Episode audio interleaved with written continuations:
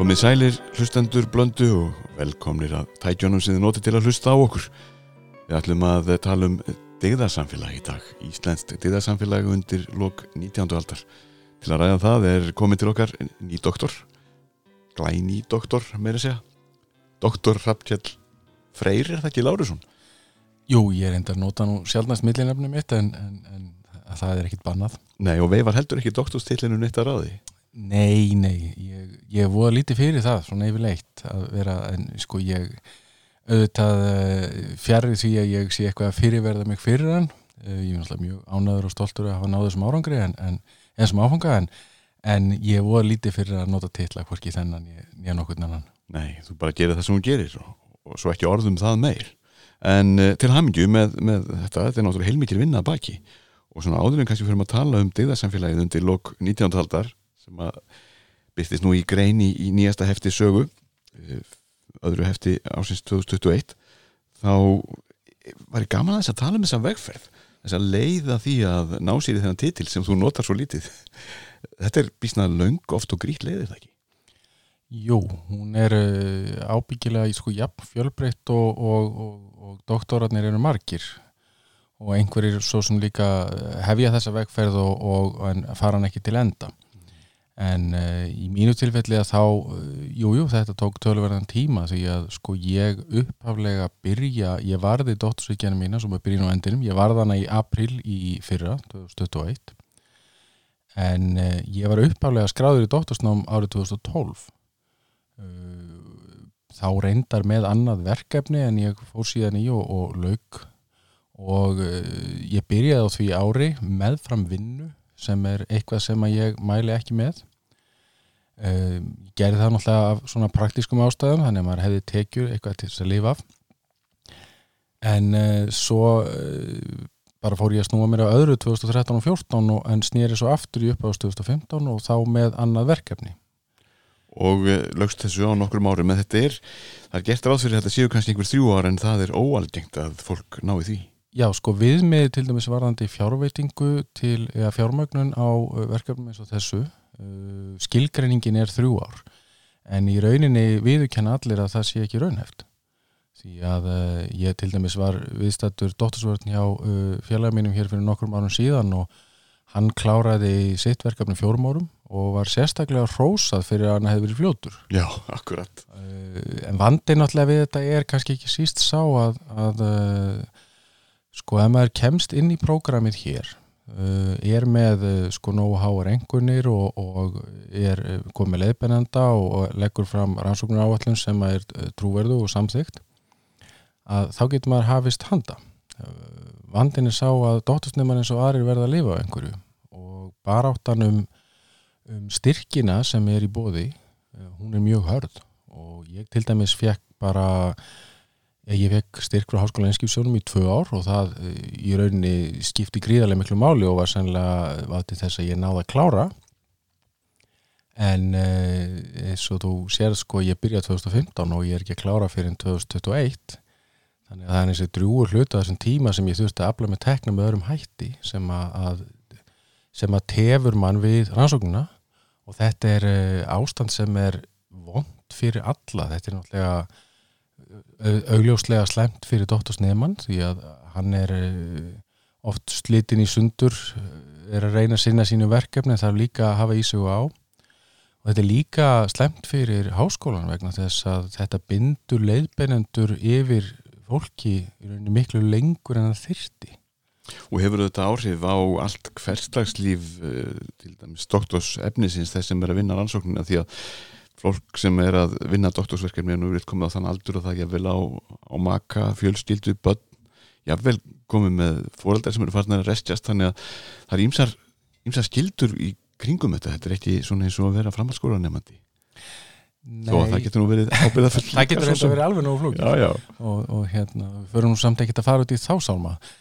þetta koma þeir umræðefnin dagsins ekkit við. Ekki þannig. En, en já já, þetta, ég var til dæmis uh, drúan hluta þenn tíma sem ég var í þessu þá var ég bara einn og uh, ég er ekki á ekki börn. Þannig að ég var til dæmis ofta að hugsa um það þegar maður var að ströggla í þessu og var ekki alveg viss um sko já, hvort maður uh, þýtti að fara að slá lán til þess að eiga fyrir lífsnöðsunum sko eða, eða hvernig það væri. Að þá mér að hugsa til þess sko að já, mér finnst þetta þó bara, ég þó bara að, fyrir sjálfur mér að sjá sko. En uh, fólk samt uh, sem að þekkir er að fara í gegnum þetta með, með fjölskyldulífi þannig að það, það er hægt en, en þetta, er, þetta er flókið. Og oft kemur þetta alltaf þreyttur einstaklingur út eftir þessa löngu vegferð. Já, ég, ég var til dæmis spurður að ég eftir ég varði sko hvort þetta hefur í spennufall uh, eftir vörnina sjálfa. Ég upplifði ekki við vörnina sjálfa en uh, ég var eiginlega búin að upplega það áður ef að einhvers konar spennufall var hjá mér en það var alltaf mjög langur aðdraðandi að það var kannski meira þegar að, að sko fyrst þegar ég lagði hana fram til varnar og kannski þó sérstaklega þegar sko kom tilbaka frá andmælendum um að hún hefði verið samþygt til mm. varnar því að uh, það er nefnilega svo uh, það var kannski einhver mest í kvíðin hjá mér sko var það að þurfa að fara aftur inn í verkefni sem ég leið eins og ég væri búin með Já, og þú erum kannski að fara að breyta miklu og, og, og fara aftur um að takast á við þetta einhvers konar, já frá grunni má segja ef þú þurftir að gera mjög mikla breytingar. En e, sé nú ekki leiðbeinandi líka til þess að það sé nú svona nokkuð vel tilbúið þegar, þegar að, þetta fer í yfirleistur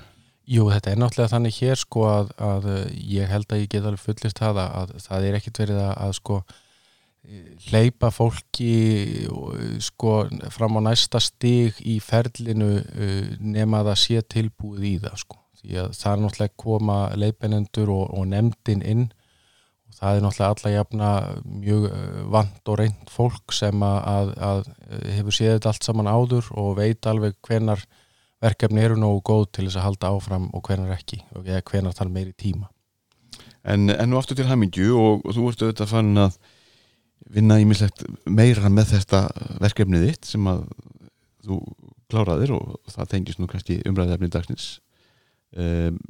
þetta er, er áhugaverðu tími í Íslandsögunni sem þú skrifar um þarna. 19. öldin er auðvitað að margarnátt mikið rannsökuð en hún er líka marg slungin eða ekki?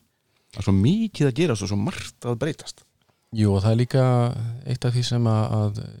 ég finnst svo, svo lýsandi fyrir nýtundöldina er uh, sko þessi afgerandi munur á íslensku samfélagi við upphafinnar og, og lokanar uh, Ísland framan af nýtundöldina eða fram undir og fram yfir með nýtundöldina er nánast í engöngu sveitasamfélag mm -hmm.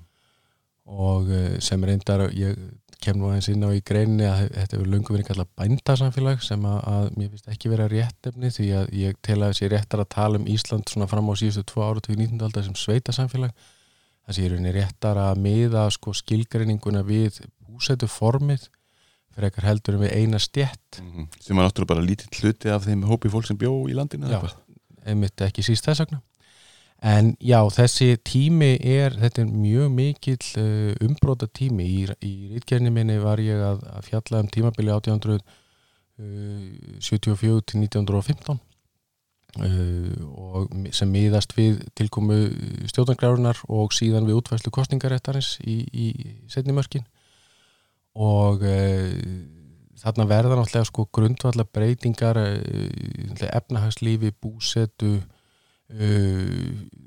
félagslíf kviknar sem er nú stóð þáttur í minni rítgerð og uh, auðvitað fólk verið að flítast til annar landa og flítast mjög mikið til hér innanlands. Já og það kemur loksins að þessari margum töluðu þéttbílismyndun hún fer að uh, færast í aukana. Fólk flytur nær sjáarsíðinu og fer að búa í, í stærri hópum í, í alls konar húsum sem að ég vil á sjálf Já og það er, eh, má segja alltaf stór þáttur í þessu efni þessara greinarminnar í e, sögut e, í fyrra sem var svona, þetta var efni sem ég kannski kom aðeins inn á í dóttursviðgeðinu en, en var kannski í rauninni, fylgde ekki hennan megin línu svo ég tók þetta aðeins lengra og gerði úr þessu grein. En þéttbílisvæðingin spilar auðvitað daldi stóran þátt í þessu í þessum uh, svona menningarlegu breytingum sem að ég er að tala um þarna þar sem ég tala um íslenska degðarsamfélagið sem sé á þessu tímabili í rauninni að umbreytast og í staðin sé í rauninni íslenska svona nútíma samfélagið uh, að byrja að mótast mm. Það er oft talaðið mitt um að Ísland hafi tekið stökk inn í samtíman inn í nútíman uh, á tímum síðar í heimstýrjaldarinnar sem er þá 30 árum eða þannig bila eftir lok þíns tímabil sem þú fjallar um í þessari grein en það eru, það eru fleiri vörður á leiðinni til þess að verða nútíma samfélag Já, já, náttúrulega þetta er eins og svo margt annað með svona þróunarlínur og hvort að um er að ræða sko hægfara þróun, þróun í ákveðna átt eða, eða í margar áttir eða, eða stökk, þetta er alltaf þetta er alltaf tólkunaratriðun svona klassist ágræningsmál meðal fræðimanna en uh, já, ég er mjög spenntur kannski líka því þetta er náttúrulega það tímbil sem ég hef verið að setja mig mest inn í að uh, fylgjast með þessum breytingum sem er að verða í rauninni og þetta er svona eins og ég segi, þetta er svona þarna er uh, verið að, að leggja grunninn að nútíma samfélagin sem auðvitað átt eftir að taka markáttuðum breytingum á 2000-stöldinni og, og, og er enn að taka breytingum og mun halda áfram að taka breytingum en uh, skilin þarna þau eru í mínum huga svo afgerandi, þetta er svona ákveðin sko hugarfagsleg skil sem er að verða uh, samfélagið er að færast frá því að vera svona daldið áberandi stígveldi skipt mm -hmm. og, og staðunáð kannski eða hvað? Já, ég... Er það of djúft í árunni tekið? Já, ég skulum bara, ég, ég leifi þér að, að, að halda, í það hugdag. En ég stigveldi skipt og, og, og hérna svolítið svona margerað sko, þannig að hver átti daldi sinn sess og, og reyfanleiki innan þess var uh, takmarkaðri heldur en síðar varð. En síðan er að koma í staðin uh, inn sko meiri svona meiri einstaklingshyggja og uh, sem að kemur í rauninni með ímsum að þessum breytingum eins og uh, auknum auknum möguleikum til mentunar uh, og það er eitt af því sem ég finnst svolítið sérstakt en, en virðist hafa verið raunin er það að aukin þáttaka og almennari þáttaka í félagastarfi sem mm. var mjög vaksand á þessum tíma og er stór þáttur í, í rittgeðinu minni umfjöldunum það að félagastarfinu fylgdi líka ákveðin einstaklingsíkja af því að það var verið að ekki bara verið að hvetja fólk til að vinna saman það var líka lengt og ljóst við að hvetja fólk til sko virkni samfélagsleira virkni og, og einstaklingsbundina virkni. Takka frumkvæði? Já. En þegar ég las greinina þá veldi ég þetta aldrei fyrir mér hvort að Ísland hefði kannski verið einhverjum áratögum, jáfnvel upp undir hundrað árum á eftir mörgum af þeim samfélagum sem við berjum okkur saman við. E, þá á ég kannski við svona Norður-Európu, Breitlandsegar e, Skotland og England kannski helst. e, er eitthvað til í því? Settur þetta í eitthvað svona samvikið allavega í huganum hvernig, hvernig, hvernig sérðu þetta? sko hvað snertir uh, tilkomu uppgang félagastarfs að þá gerði ég smá samanburði í rítgerðinni á, á hérna, stöðinni hér og Norðurlöndunum og uh, þar er uh, og þá sérstaklega Nóri og Danmörku og þar er svona ég er svona gróft á liti svona 30 alltaf því 50 ára gap á milli mm -hmm. Það er langu tími Já, já, það er tölvöld langu tími sko en svo náttúrulega koma líka áhrifin sem að íta á þessa þróun hér, þau koma mikið til þaðan mm -hmm.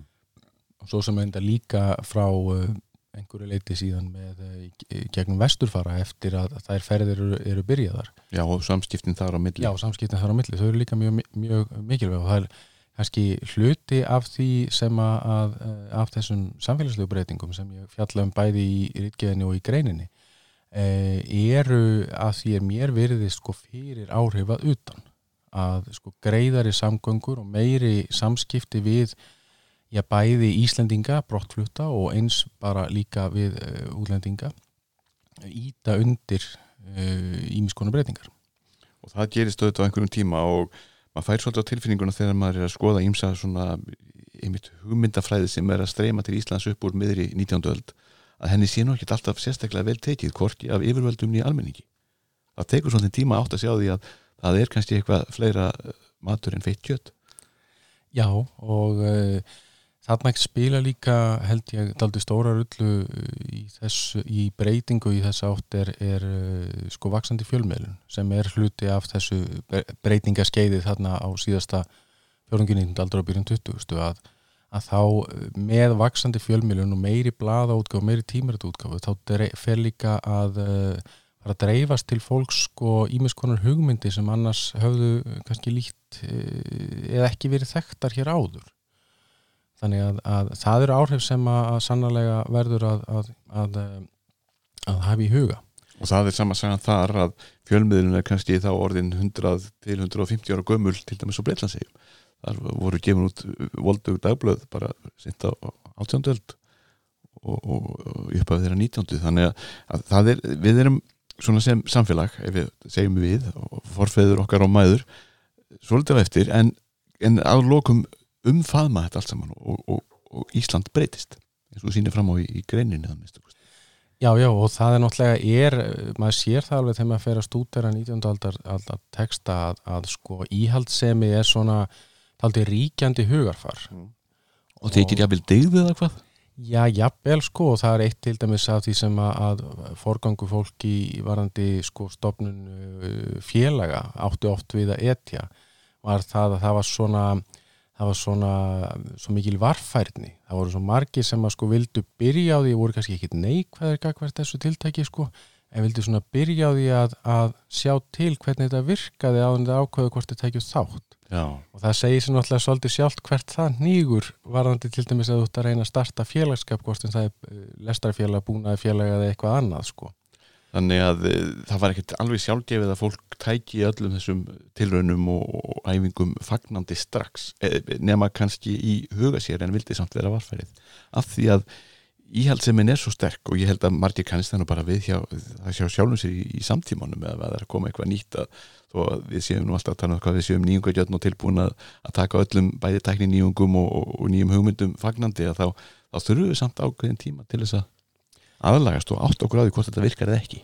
Já og svo náttúrulega líka fram eftir sko 19. að þá var eins og ég var að segja á það, það var svona ríkjandi heldarheikja og mm. stigveldi samfélagsins aldrei skýrt Já. það sem að, að sko e, má segja embættismenn, háembættismenn sátu efst og svo aðrir embættismenn og síðan svona betur stæðir bændur og svo framvegis sko Og þetta var fyrirkomulag sem hafi verið um aldir Já, já, en, og það þýtti líka, það, það hafði greinlega líka svona ákveðin hugafastleg áhrif sem að uh, urðu til þess að, að uh, það var svolítið beðið eftir sko vingi blessun frá ráðandi mönnum í byggðalögunum hvort að það ætti að, að sko umfaðma þessa nýjung og hafna þessari mm -hmm. og þetta hins vegar er síðan annað sem að, fer að breytast er alveg augljóslega orðið breytt undir lok 19. að þá uh, ef, ef maður ber saman sko félögin sem eru stopnuð í miðjöldinu sem voru mjög mikið bara voru uh, ennbætsmenn og bændur sem að, voru að starfa þeim og hafa frumkvæðið að þeim og þeir heldur aldrei mikið áfram að hafa frumkvæðið en uh, um aldamóti 1900 og tala um í uppæðu 20. aldar þá, þá er frumkvæðið kemur það ekkert endilega frá þeim lengur það getur alveg, hafa, ég gerði það stundum og, og, og hérna prestarnir sérstaklega og, og kannski sérstaklega eh, fyrirluta þess tímbel sem ég var að vinna með þeir voru bara mjög áhrifa miklir í, eh, í, í, í nærsamfélagunum og, og þá er ég að tala um sko veraldlega Já. því að það var svo mikið litið til þeirra um það að, að hafa forgangu og uh, mörg dæmi um, um presta sem að, að sannarlega stóðu sig mjög vel í því að, að standa fyrir ímiskona framförum en svo náttúrulega líka dæmi um þá sem að voru bara fyrst og fannst í því að sinna sínu ennbætti, sínu ennbætti skildu og kannski voru ekkit að taka mikið þátt í, í uh, samfélaginu þessu utan. Og vildu kannski ekki neka of miklu heldur eða hvað? Er þetta að lesa það eitthvað í, í, í það sem þú varst að skoða? Já, ekkit sem hægt er að draga kannski einhverja svona afgerandi álíktanir af, það verið verið misjafnir eins og þeir voru margi sko en, en eitt til dæmis uh, dæmi sem ég tek í, í í rítgerðinni er uh, frá uh, úr æfiminningum mann sem að bjó í, í Tungurhepp í Róstungu og fluttist ánga 25 ára gammal og hann fór mörgum árum síðar að svona meta sko samfélagslega stöðu þar við nágrannabygðir og þótti þar hafa í rauninni verið ríkt ákveðin stöðnun og mikil íhaldsemi og skrifaði það í rauninni á reikning prestana sem hafðu setið þar sko uh, þrjá áratöyu undan mm -hmm. vegna þess að uh, þetta, þetta var eitt af þessum brauðum kirkjubæri Róstungu var eitt svo kallar gott brauð og uh, reglan var svo að, að þegar slík brauð losnuða að þá voru það yfirleitt sko svona uh, sko reyndari prestar sem að sátu fyrir sem þýtti það að þeir voru oft það voru oft bara ríkfullotni menn sem að þarna komu og, sem kannski höfðu bara ekki lengur sama kraft og þeir höfðu haft áður sko, hefðu kannski verið drífandi samfélagslega áður en, en, en uh, voru það uh, kannski ekki þarna. Svona, svo ánsýs ég nú neitt að fullir það um þess ágætum eins og þarna og dæmað á of harkalega. Orðin er kannski vana fast, þeir bara eins og fólk verður með aldrinu en uh, það sem að, að kemur fram í þessum æfiminningum er það að hann tengdi þetta tvent saman að þarna hafi vantað frumkvæði til þess að drífa áfram breytingar uh, og miðaði þar við, við ímis nákvæmlega beigðalög og, og vegna þess að, að andin í samfélagina hefur verið sá að býða eftir að frumkvæði kæmi að ofan, að ofan. það er einmitt mjög áhugavert og, og oft sem að maður sér er maður að skoða ákveðna þætti í samfélaginu hvað uh, einhvern veginn þarf að koma svona einmitt þetta svona samþykki. Ég, ég rannsakaði nú einu sinni það sem að ég kallaði fyrstu borgarlegu hjónavíslun á Íslandi sem var einmitt um þetta leiti á þínum rannsóknartíma eftir 1874 þegar, þegar ný stjórnarskrá eða stjórnarskráin, svo fyrsta fyrir Ísland varð til. Og það er einmitt mjög áhugavert að, að lesa og skoða viðbröðin við því að eitthvað fólk ætli sér að fara aðra leið heldur en þessa hefðbundu að nota kirkjuna til að láta gefa sér saman. Og það tengist hugmyndafræði sem var að koma auðvitaðan mormónstrú sem var nú ekki tekið mjög fagnandi til að byrja með. Og eh, er eiginlega svona, svona eins og mikrokosmos af þessu sem þú ert að lýsa bæði viðbröðin og hvernig þú ert að standa að þessu. Og þar má einmitt sjá e, svona íhaldsemi þeirra sem er kannski orðnir e, vanafastari, eldri og svo kannski ótrúlega svona alltaf því býræfin viðbröð þeirra yngri og hugmyndir sem eru notað til þess að koma þessu öllu saman í gegn og svo fer þetta allavega til konungs til þess að þessi þessi furðulega, þessi furðulega hausavísla á síslumanni og, og sálusorgara voru, voru gerð. Og þetta er eh, einmitt tengist stjórnarskrafni en, og þá einmitt kemur kannski þessi næsta spurning hvað áhrif hefur stjórnarskraf í þessu samviki að því hún nú notar tilkomu hennar sem, sem einhvers konar upphafspunkt. Já, hún uh, ég svona uh, kýst nú að, að að hafa hana með í umræðinu þegar ég er að tala um, um sko, svona þessa bilgju af félagarstofnun og félagastarfi sem að verður þarna á síðasta fjóðungi 19. aldarinnar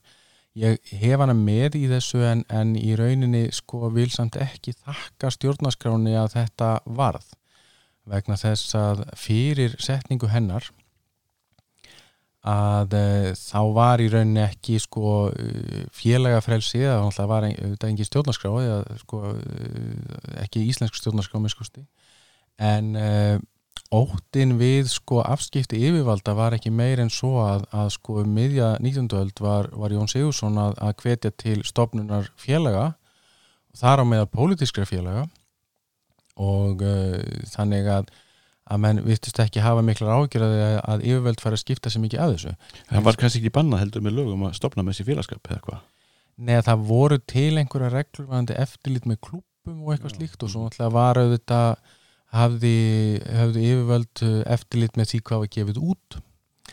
en uh, hvorugt uh, sko hvorugu virðist nokkuð tíma neila hafi verið beitt hér nema nema náttúrulega tilfelli þjóðóls uh, þegar að útgáfubannu var sett á þjóðólf en, en, en uh, það var í raunni sko runnið undan sko revjum innlendra ennbætsmanna en ekki danskra sko mm -hmm. sem að oft og tíðum skiptu sér nú ekkert sérstaklega mikið af því sem hér var að gerast er þetta önsku? Nei, nei, þeir verið svo sem hafa verið frekar rólegir yfir því enda, enda við langt í börtu sko.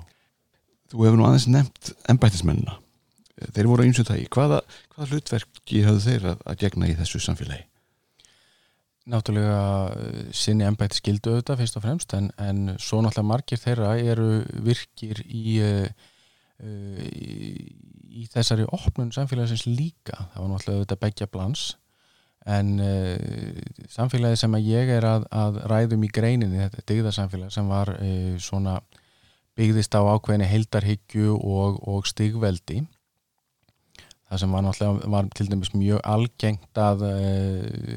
að líka samfélaginu við líkama og ef að, ef að einhverjir einstaklingar háir sem lágir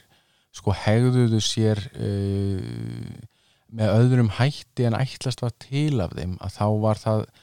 oft líkt við það að það veri mein á, á líkamannum og þetta er náttúrulega svona hugarfar sem auðvitað til þess fallið að, að halda samfélaginu í ákveðnum skorðum.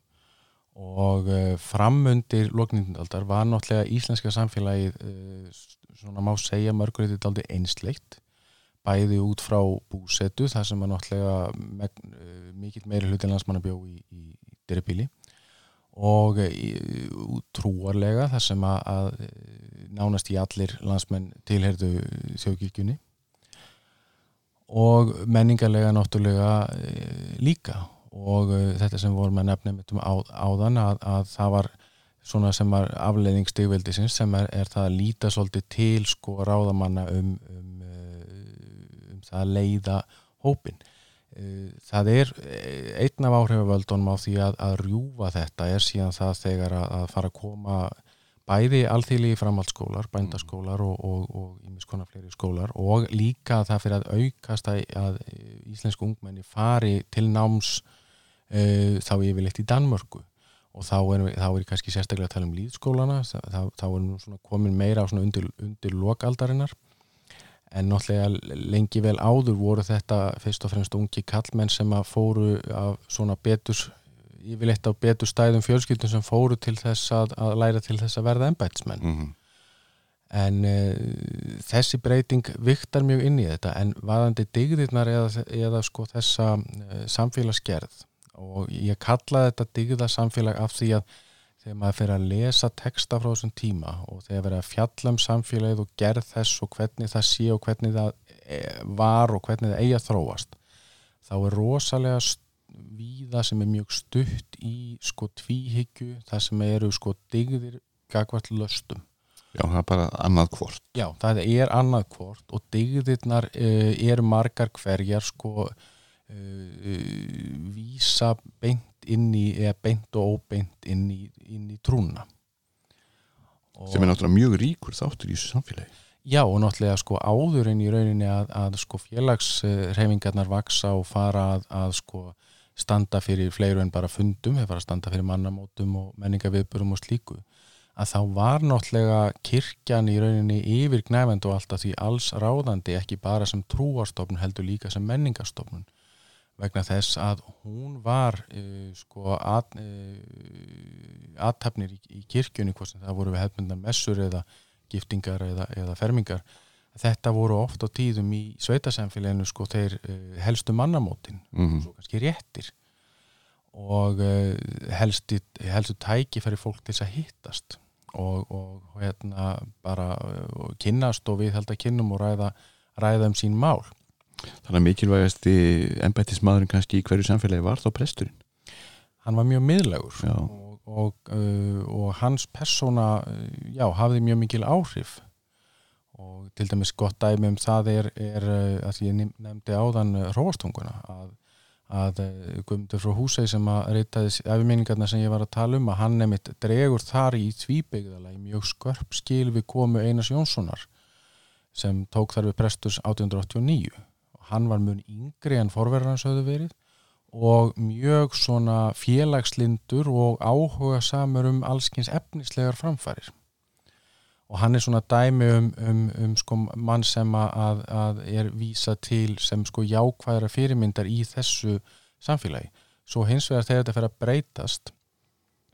að, og frumkvæði fer að koma víðar frá að þá er samfélagi líka á sama tíma að verða, verða floknara mm -hmm. og verða svona marg slungnara það er sko, eh, þá eru eh, þá eru hérna bæirnir búin að vaksa, það er komin meiri verkaskipting og eh, og svona það er ekki einn ástæðan sem ég dref fyrir því að það grafi undan samfélagsgerðinni þessu, þessu dýðarsamfélagi er svo að, að þessi röskun sem verður uh, hún þýðir það að, að sko utanumhaldið rofnar, það er ekki lengur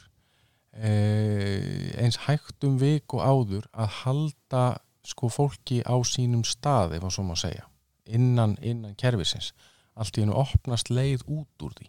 Mjög mikil samfélagsbreyting. Mjög svo. En uh, fyrir nokkrum árum þá var mjög haft í hávegum hugtak sem að var kallað siðrof sem að þýðir það ekki að menn sé að verða eitthvað siðlausari heldur en þeir voru heldur er kannski verið að skipta út einum sið og vennjum fyrir aðra er þetta að tala um siðrof á Íslandi á síðustu áratugum 19. aldar og upphæfið 20. ég, ég svona ekki, hallast ekki mikið að því að, að sko nota eh, þetta hugtak af því að það kannski það svona ber svolítið í sér að þarna séum að ræða einhvern sko einhvern svona eh, turning point sem að Já, sletti nú aðeins sko. Eh, ég er þetta er í rauninni mun fremur sko þróun sem er að eiga sér staði við lengri tíma. Þetta er bara breyting, hægfæra breyting. Já, því að náttúrulega íslenska sveitasamfélagi hvarf ekkert sko. Það lifði áfram og held ég hugafastlega uh, lifði það bara alveg ágætis lífi. Og langt fram eftir 20. aldar. En, en sko það verður já það má kannski segja að þetta sé svona sem að noti nú trúalegt hugtak það verður kannski frekar má segja ákveðin síð breyting mm. að uh, sko þó að uh, digðirnar í rauninni sko hætti að, að uh, vera svona þessi sko uh, allt um líkjandi viðmið að þá þá taka kannski má segja bara önnur annars konar gildi uh, þeirra stað. Og til dæmis bara einstak, einstaklingsbundnar í gildi um, um, um, um til dæmis að, að, að eh, sem eru kannski umbreytt gildi að, að vinnu sem var áður í dýðarsamfélaginu mjög mikil sveið digð en hún var þá eh, kannski fyrst og fremst sko digð út af því að þú væri að, að sko leggja þitt að mörgum samfélaginu til heilla en vinnu sem er heldur orðum að vera digð en þá kannski fer hún meira yfir á einstaklingsbasis þá varst þú að sína að þú sett dugandi einstaklingur. Já, og sjálfum þér til heilla og, og kannski samfélaginu Jú, öllítið jú. með. En um, þú, sko í greininni talar alltaf um, eða mjög oft um, um þetta lúterska samfélag það sé að þetta sé svona, það tengist alltaf trúni og uh, trúin er allt umlítjandi og kirkjan mjög öflug alveg fram langt fram eftir 19. öld en það fyrir svona aðeins að draga úr, úr áhrifum með hennar en hvað þá með aðra embættismenn en prestana nú er þegar trúin er einhver stað, þá er Guð einhver staðar og, og, og næst ráðandi Guði á, á himni og jörði er þá konungurinn, hann er vísfjari okkur Íslendingum á minnskosti Hvað, hva, hvaða hópur er þetta sem að, sem að ræður hér ríkjum auk prestana? Sko í, í, í nærsamfélagunum í sveitunum voru náttúrulega kannski má segja tveir leikilmenn uh, sem voru presturinn og hrefstjórinn uh, presturinn sem, sem fulltrúi trúarinn og kirkjunar og hrefstjórinn sem uh, undir maður síslumanns og þar að leiðandi ekki má segja fulltrúi ríkisins. Þetta voru enda stundum fleiri neitt hrefstjóri í, í repum, ég bara svona segi þetta til að einfalda þetta. -hmm. Og svo náttúrulega þar fyrir ofan eru er svona þetta hærrasettu embætsmenn uh, síslumenn og, og dómarar og slíki sem eru náttúrulega fyrir megin þóra landsmannum mun fjær. Þannig að þetta eru, eru fyrir nærsamfélagin eru þetta prestatunum og hrefstjórnir sem eru í rauninni líkilmenn og þeir eru verið kannski tengiliður þá við valdið að ofan. Já, þeir eru, eru tengiliðu nærsamfélagsins við, við hærra, hærra sett vald. Mm -hmm. En uh, sko teng, uh, þessi tenging við, uh, við lúteskuna er er í rauninni samsvarandi hér og hún var bara á öðrum uh, Norðurlöndum. Þetta er talað um í rauninni þessa uh, þrískiptingu sem ég man nú ekki í svipin latneska heitið á, þar sem var talað í rauninni um sko krúnuna, uh, kirkjuna og, og heimilin. Mhm. Þar voru í rauninni sko embættismenn krúnunar, prestarnir fyrir, og prestar og biskupa fyrir hönd kirkjunar og svo húsbændunir sem fylgdur var heimilina. og það eh, fræga hugtak sem að eh, hefur nú verið mikið fjallaðum og, og ég vil skrifa það heilu bækurnar og doktorstýtjarinnar um þetta með að, að eh, ráða yfir vinnuhjónum á heimilónum uh, vistabandið uh, það er þá svona kannski svona ríkisvald inn á heimilinu eða hvað er þetta líta þannig á það? Já, það náttúrulega var und, í, hluti af í rauninni þessari þrenningum og segja að, að sko uh, hún byggði svolítið mikið á því að halda reglu í samfélaginu. Og uh, það sem að, að uh, sko, fulltrúar yfirvaldana uh, kirkjunar og, og ríkisins átti að svona halda uh, reglu í samfélaginu í heild en það var svo húsbændan að halda reglu sínu heimili. Og þeir voru auðvitað fram á þennan tíma sem ég var að rannsaka má segja sko afgerandi leiðtógar á sínum heimilum svona alla jafna mm. og réðu öllu sem að þeir raunverulega vildu ráða því þeir máttu það eitthvað Já og náttúrulega svo er þetta líka spurningin um, um sko formleg réttindi Mhm. að uh, til dæmis uh, kostningarétt og kjörgengi sem að, að var bundin við til þess að gera fámennan hóp kalla sem að, sem að voru þá uh, í, þeirri, í þeirri stöðu að hafa þessi réttindi vegna, vegna þess að, að þeir uppbyltu reglur um, um sko, hafa nú skattgreislur frá því um, um miðjaöldina sko. Og þeir voru náttúrulega auðvitað kallar sem að skipta náttúrulega öllu máli. Uh, en, en hérna þetta líka náttúrulega gerð uh, leita af sér ákveðna aðgreiningu innan samfélagsins, það sem að voru sko þeir sem að kalla eru, má segja uh, sko pólitíst virkir, sem var þessi fámenni hópur gegn hinnum sem voru pólitíst óvirkir, sem voru náttúrulega sko allar konurnar, allt vinnu fólk og, og, og svo framvegis. Mjög stór hópur samfélagsins. Já, sem er í rauninni undir sátar hinna með beinum og óbeinum hætti.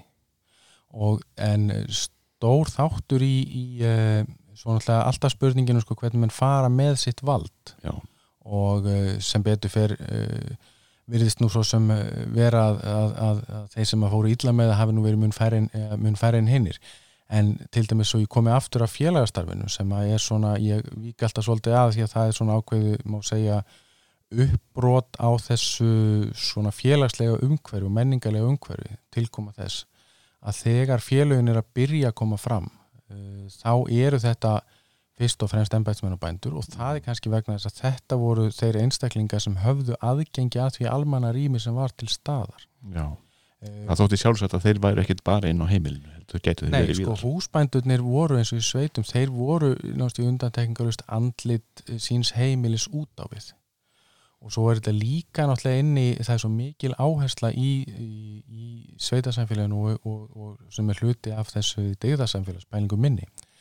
Er það uh, að það er að líta á sko uh, ekki líta á einstaklingin, það er, það er að lítið á, á heimilin. Og fyrir hverju heimili var húsbóndi nema, nema hann væri fallin frá eða og það var náttúrulega verið að dæmi um það konur stæði fyrir heimili en, en það var þá nánast í alltaf ekkjur. Og uh, þetta en þetta fer svo aðeins að, að, að þessi bátur fer aðeins að rugga og þar líka er sko bæði félagastarfið og líka náttúrulega aukin útbreytari, útbreytari mentun sem að hafa, hafa mjög mikil áhrif og þar er ekki, er ekki endilega bara um að tala um, um að ræða formlega mentun heldur líka sjálfsmentun sem var mjög, mjög mikið reynda að íta undir og, og því var reynda haldið áfram alveg fram á 2000-stöld. Og svo fara kannski að berast til fólksins rít um hugmyndafræði sem að er pínlítið að það kannski óskaplega ætlað að, að rugga það jafnvel að, að velta þessu gamla samfélagi sem að, margir, og þú nefnir nú nokkur rít í, í greininniðinni sem að ennþá eru lesin sem, sem höfður rít í, í heimsbyggi og, og hvernig samfélagi eru samansett. Já, já, eitt til dæmis, eitt rít sem ég nefni þarna eru æfiminningum mann sem hétt Sigur Átnason sem að, að fór að lesa Njólu eftir Björn Gunnlaugsson sem að sem að var kennari við, við lærðaskóluna í mann rétt. Og en, en hann var varaður við þessu ríti þegar að, fólk var þess áskinni að hann var að lesa það vegna þess að það þótti, það þótti raska sko viðukendum trúarhugmyndum. Já, stórhættulegt Sigurður segir einmitt að það var nákvæmlega það sem það gerði fyrir sig þetta mm. þannig að viðvarnarnir voru réttar en þarna það sem að sést í þessari sögu er það sko að, að þarna er svona má segja personlegt dæmi um heildarhyggjuna að þarna er maður að umgangast eitthvað sem fólkið í kringum hann áleita að vera hættulegar hugmyndir. Mm. þær voru margar á sveimi. Mjög margar, já, já, mikið lósköp þessar stórhættulegar hugmyndir, bæði trúarhugmyndir og eins verðarlegar hugmyndir. Já, já og annað dæmi sem ég teka mitt í greinni líka er, er af uh, tókstreitu milli uh, milli bræðra uh, stannu héræði frá skóagerði sem að annar þeirra sótti námi í, í búnaðarskólinu og eigðum og hinn fór í möðruvelli. Og þar kynntust þeir sko ímsum hugmyndum varðandi samfélag og gerðust báðir mjög gaggrinir á trúarbröðin og það er mjög áhugavert að sjá í rauninni sko tókstreitunni sem byrtist síðan í samskiptum þeirra við fóreldra sína það sem þeir eru að, að sko viðra svona daldi aðra sín og aðra skoðanir en voru svona greinlega hafðu verið gegnum gangandi. Og e, takast á, feðgarnir eru svolítið að takast á það sem að, að fæðir þeirra kemur í rauninni til dæmis sko ímsum digðum samfélagsins til varnar og setur ofan í við síni sína fyrir það að mentamenn hafi nú ekki alltaf rétt fyrir sér og þeir sem stundum helst til of uppfullir af ágæti eigin skoðana, eitthvað sem ég held við getum alveg tekið til okkar en, en þann dag í dag. Þannig að, að eh, en ég vil samt ekki sko ég vil samt varast að, að því að hún að tala hérna áðan um, um sko hlutverk prest og ennbætsmann og eins kynnslóðana sko. Eh, ég vil varast að í þessu að fara að setja þetta raða þessu samt upp í uh, raða þessu upp í, í einhverja sko víglínur, það er að segja sko ennbætsmenga hvert alþýðu eða eldri kynnslóga hvert yngri Þetta er meira svona einhvers konar samspil og stundum einhver tókstreita og ég vil andof stundum ég vil samvinna millir milli ennbætismanna og, og undir sátana ef nota maður það orð. Já, já. Til dæmis uh, bæði í, svona verallegum félögum eins og, eins og til dæmis lestarfélögum og síður í bindindinsfélögum þá var það mjög algengt að, að sko uh, prestar voru virkir þáttakendur í þeim. Mm -hmm. og svona bara við hlið almúans, ef svona má segja. Já, já, og það er náttúrulega þessi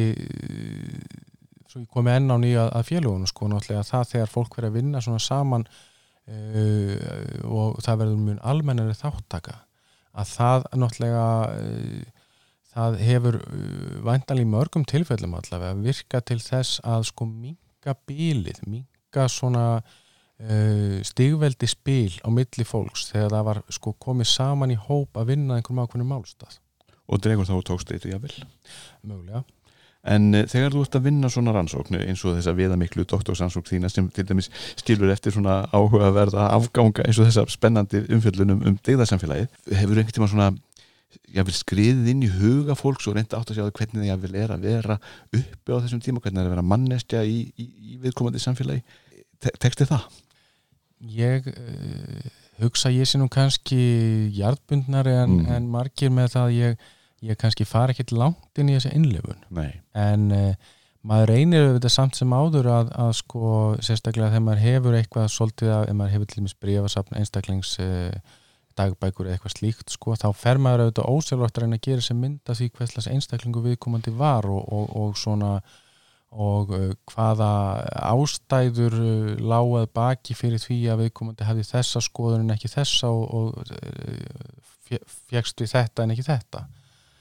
en ég man hins vegar svona sem að koma með smá út út úr sko eitt af því sem ég held að hefur síðan tíma kveikt um, áhuga minn á uh, sakfræði bara því ég er sko uh, batnað aldrei að ég elst upp á heimili þar sem voru þrjár kynnslóður og ég ólst uh, upp þá daldi mikið undir handarjæðri ömmu minnar og, og, og afa.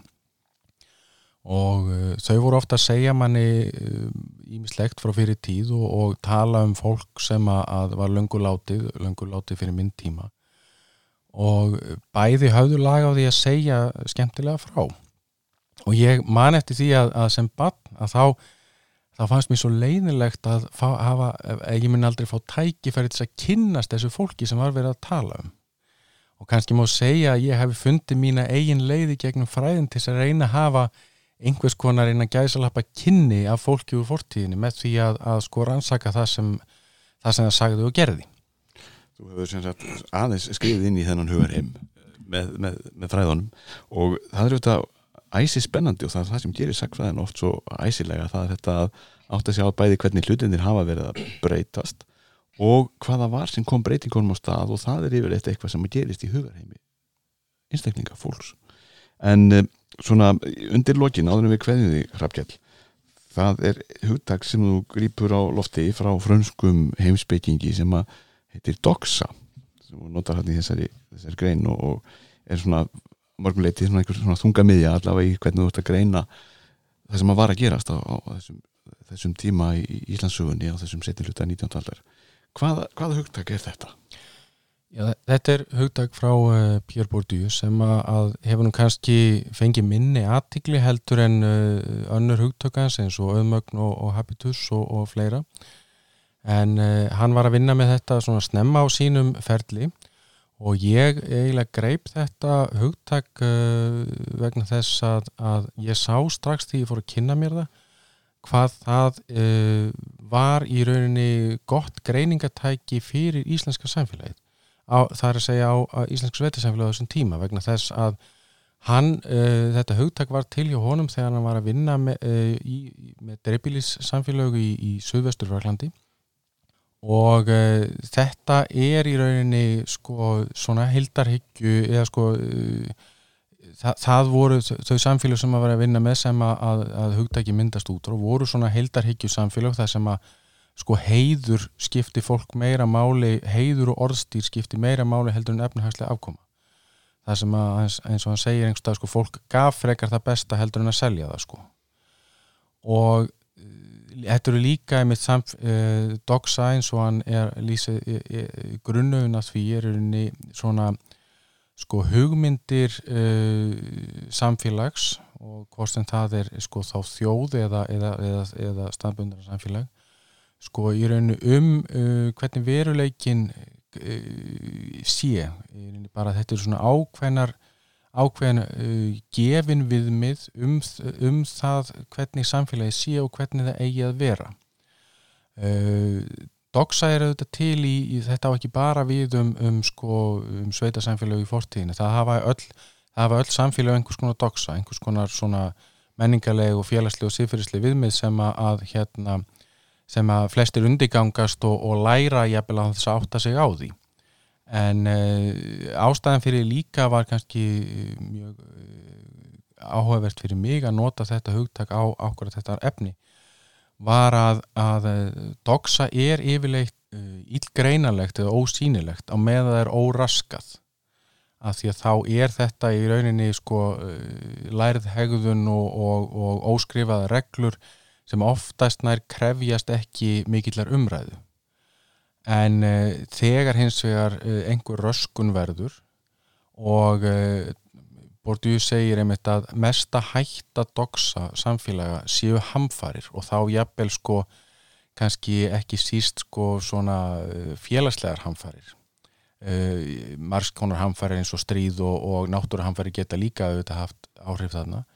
En Eh, það náttúrulega passar mjög vel við íslenska samfélagi þessa tíma það sem eins og við vorum að ræða áðan um mikla búsetubreitingar það eru vesturferðir, það eru öskugós og svo framvegis og framvegis svona samspil Já. af alls konar Já. þáttum sem að valda því að það verður upplaust eða rót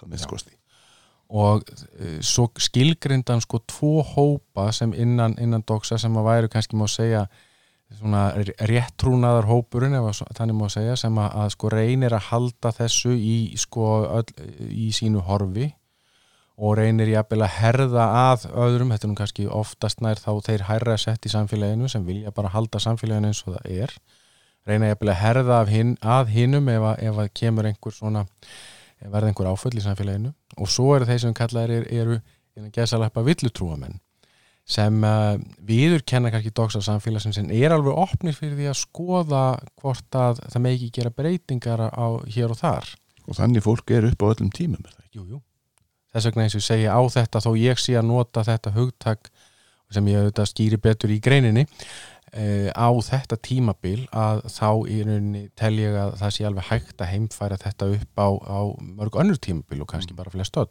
En það þarf eitthvað rót, einhverja breytingu, eitthvað högg eða eitthvað til þess að þetta fólk sem að jafnvel er að velta fyrir sér að samfélagi gætu nú verið öðruvísi hafa einhver áhrif til þess að verða öðruvísi Já og líka til þess að einhverju sem koma svona eftir á eins og ég uh, átti sig betur á því hvert doksað var mm. sem er verið að reyna að breyta það er að segja að það byrja að myndast sko umræður um, um, um samfélagsgerðina og menninguna og þá sér maður sko hvað eru viðteknar og, og kannski næsta ófrávíkjanlegar uh, venjur og, og, og hefðir og hvað fólk vil fá í þeirra stað. Og það eru kannski ofrótgrónar á hverjum tíma til þess að það sé hægt að greina þær sem, sem þáttangandi í því samfélagi sem að fer eftir þeim reglum Ég held að við værum til dæmis ekki mjög heppilegir einstaklingar til að greina að doksa okkar samfélags. Nei,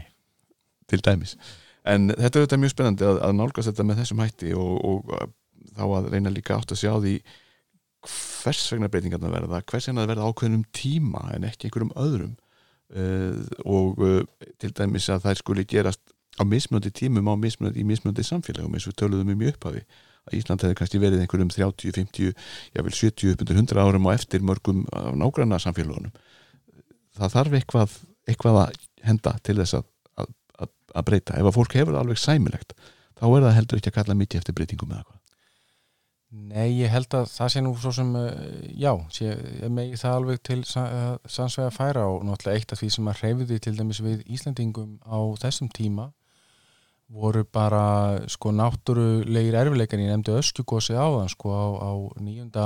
og fram á tíunda áratug nýjunda aldar var nánast í samfeldur harðinda kapli á Íslandi. Kalt. Og fólk var að hafi sár og fólk var að, bara að, að, að flosna upp uh, af jörðum bara einfallega vegna þess að því var bara ekki stætt að vera það lengur. Og uh, þá einmitt er komin grundvöldur, þá komin jarðvegur til þess að Já, já, það, það er hluti, hluti af þessu ég, ég hallast að því að þetta séuna, séu að þurfi ímsi þættir að fara saman sko, það er náttúrulega hafði verið harðindi hér fyrir á tíðum á þess að þau hefðu endilega leitt af sig kannski mjög rótækar samfélagsbreytingar og það kannski má líka velta fyrir þá af hverju það er hvers vegna verða Já. þær ekki og jáfnvel í kjölfar mikill að harðinda svo hoppum nú aftur kannski til fyrirluta 19. aldar til dæmis þegar enskra manna með, með, með danskan eh, túlk með sér í för. Hann var enginn tilbúin að taka þátt í þeim breytingu sem þar var verið að kalla eftir byltingunni sumarið 1809 þrátt fyrir það hefði verið harðindi og stríð út í heimi þá, þá einmitt stökk enginn á þann vagn. Þannig að það þarf eitthvað annað að vera og, og það er, er hægt að átta sig á því hvað það er. Er það bara mismunandi eftir tímum? Hvað, hvað er það sem kveikir svo að lokum nistan Já, nú, nú ertu svolítið að leiða með að því að benda á eitthvað eitt ég er einmitt að reyna markvist að forðast það Já, það er auðvitað, þetta er samspil Já, ég, ég hallast alltaf að því að Já. það þurfi að vera það þurfi að vera sko fleiri en einn breyta og, og að, að, eh, að eh, sérstaklega í kannski sam, samfélagi eins og uh, var uh, lengst af 19. öldinni á Íslandi sem var þetta frekar hægfara það var þróunin, hún var svona í samanbyrðu það sem 20. öldin var auðvitað mjög hæg en hún gerðist samt Já, en eins og til dæmis þarna sko að, að þarna, eh, svo við komum aftur inn á þetta tímbil sem ég var uh, að rannsaka að,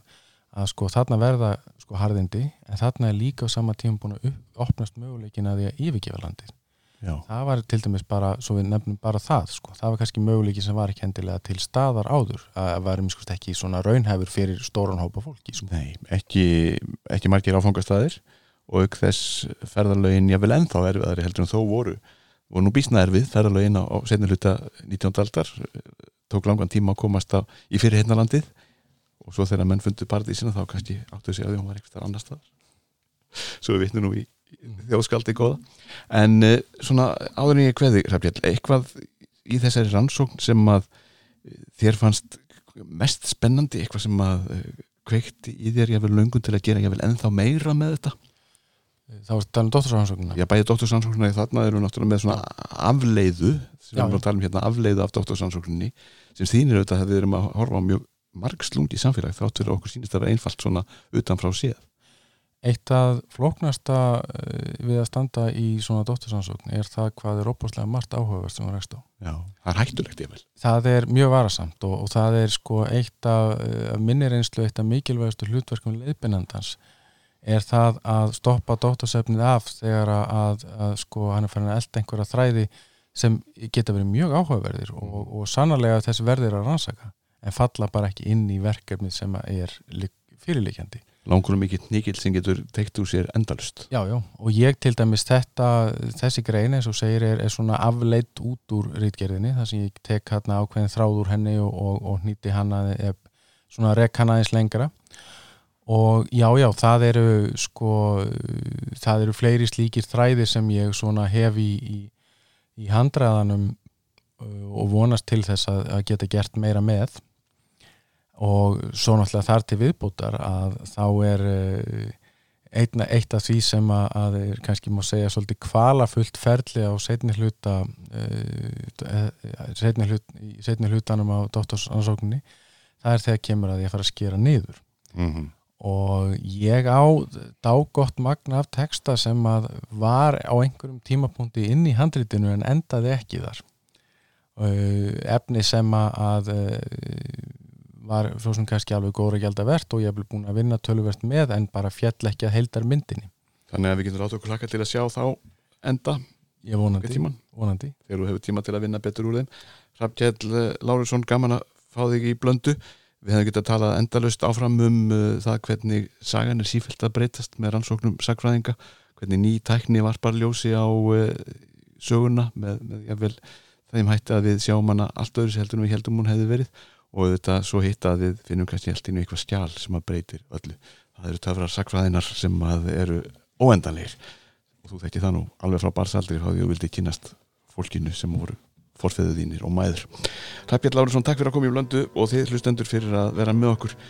Við eh, verðum með nýjan þátt fljótlega aftur þannig að blanda heldur áfram að, að veit ykkur fróðleik gamlan og nýjan eins og stefnan er hjá sögufélagi. Verið sæl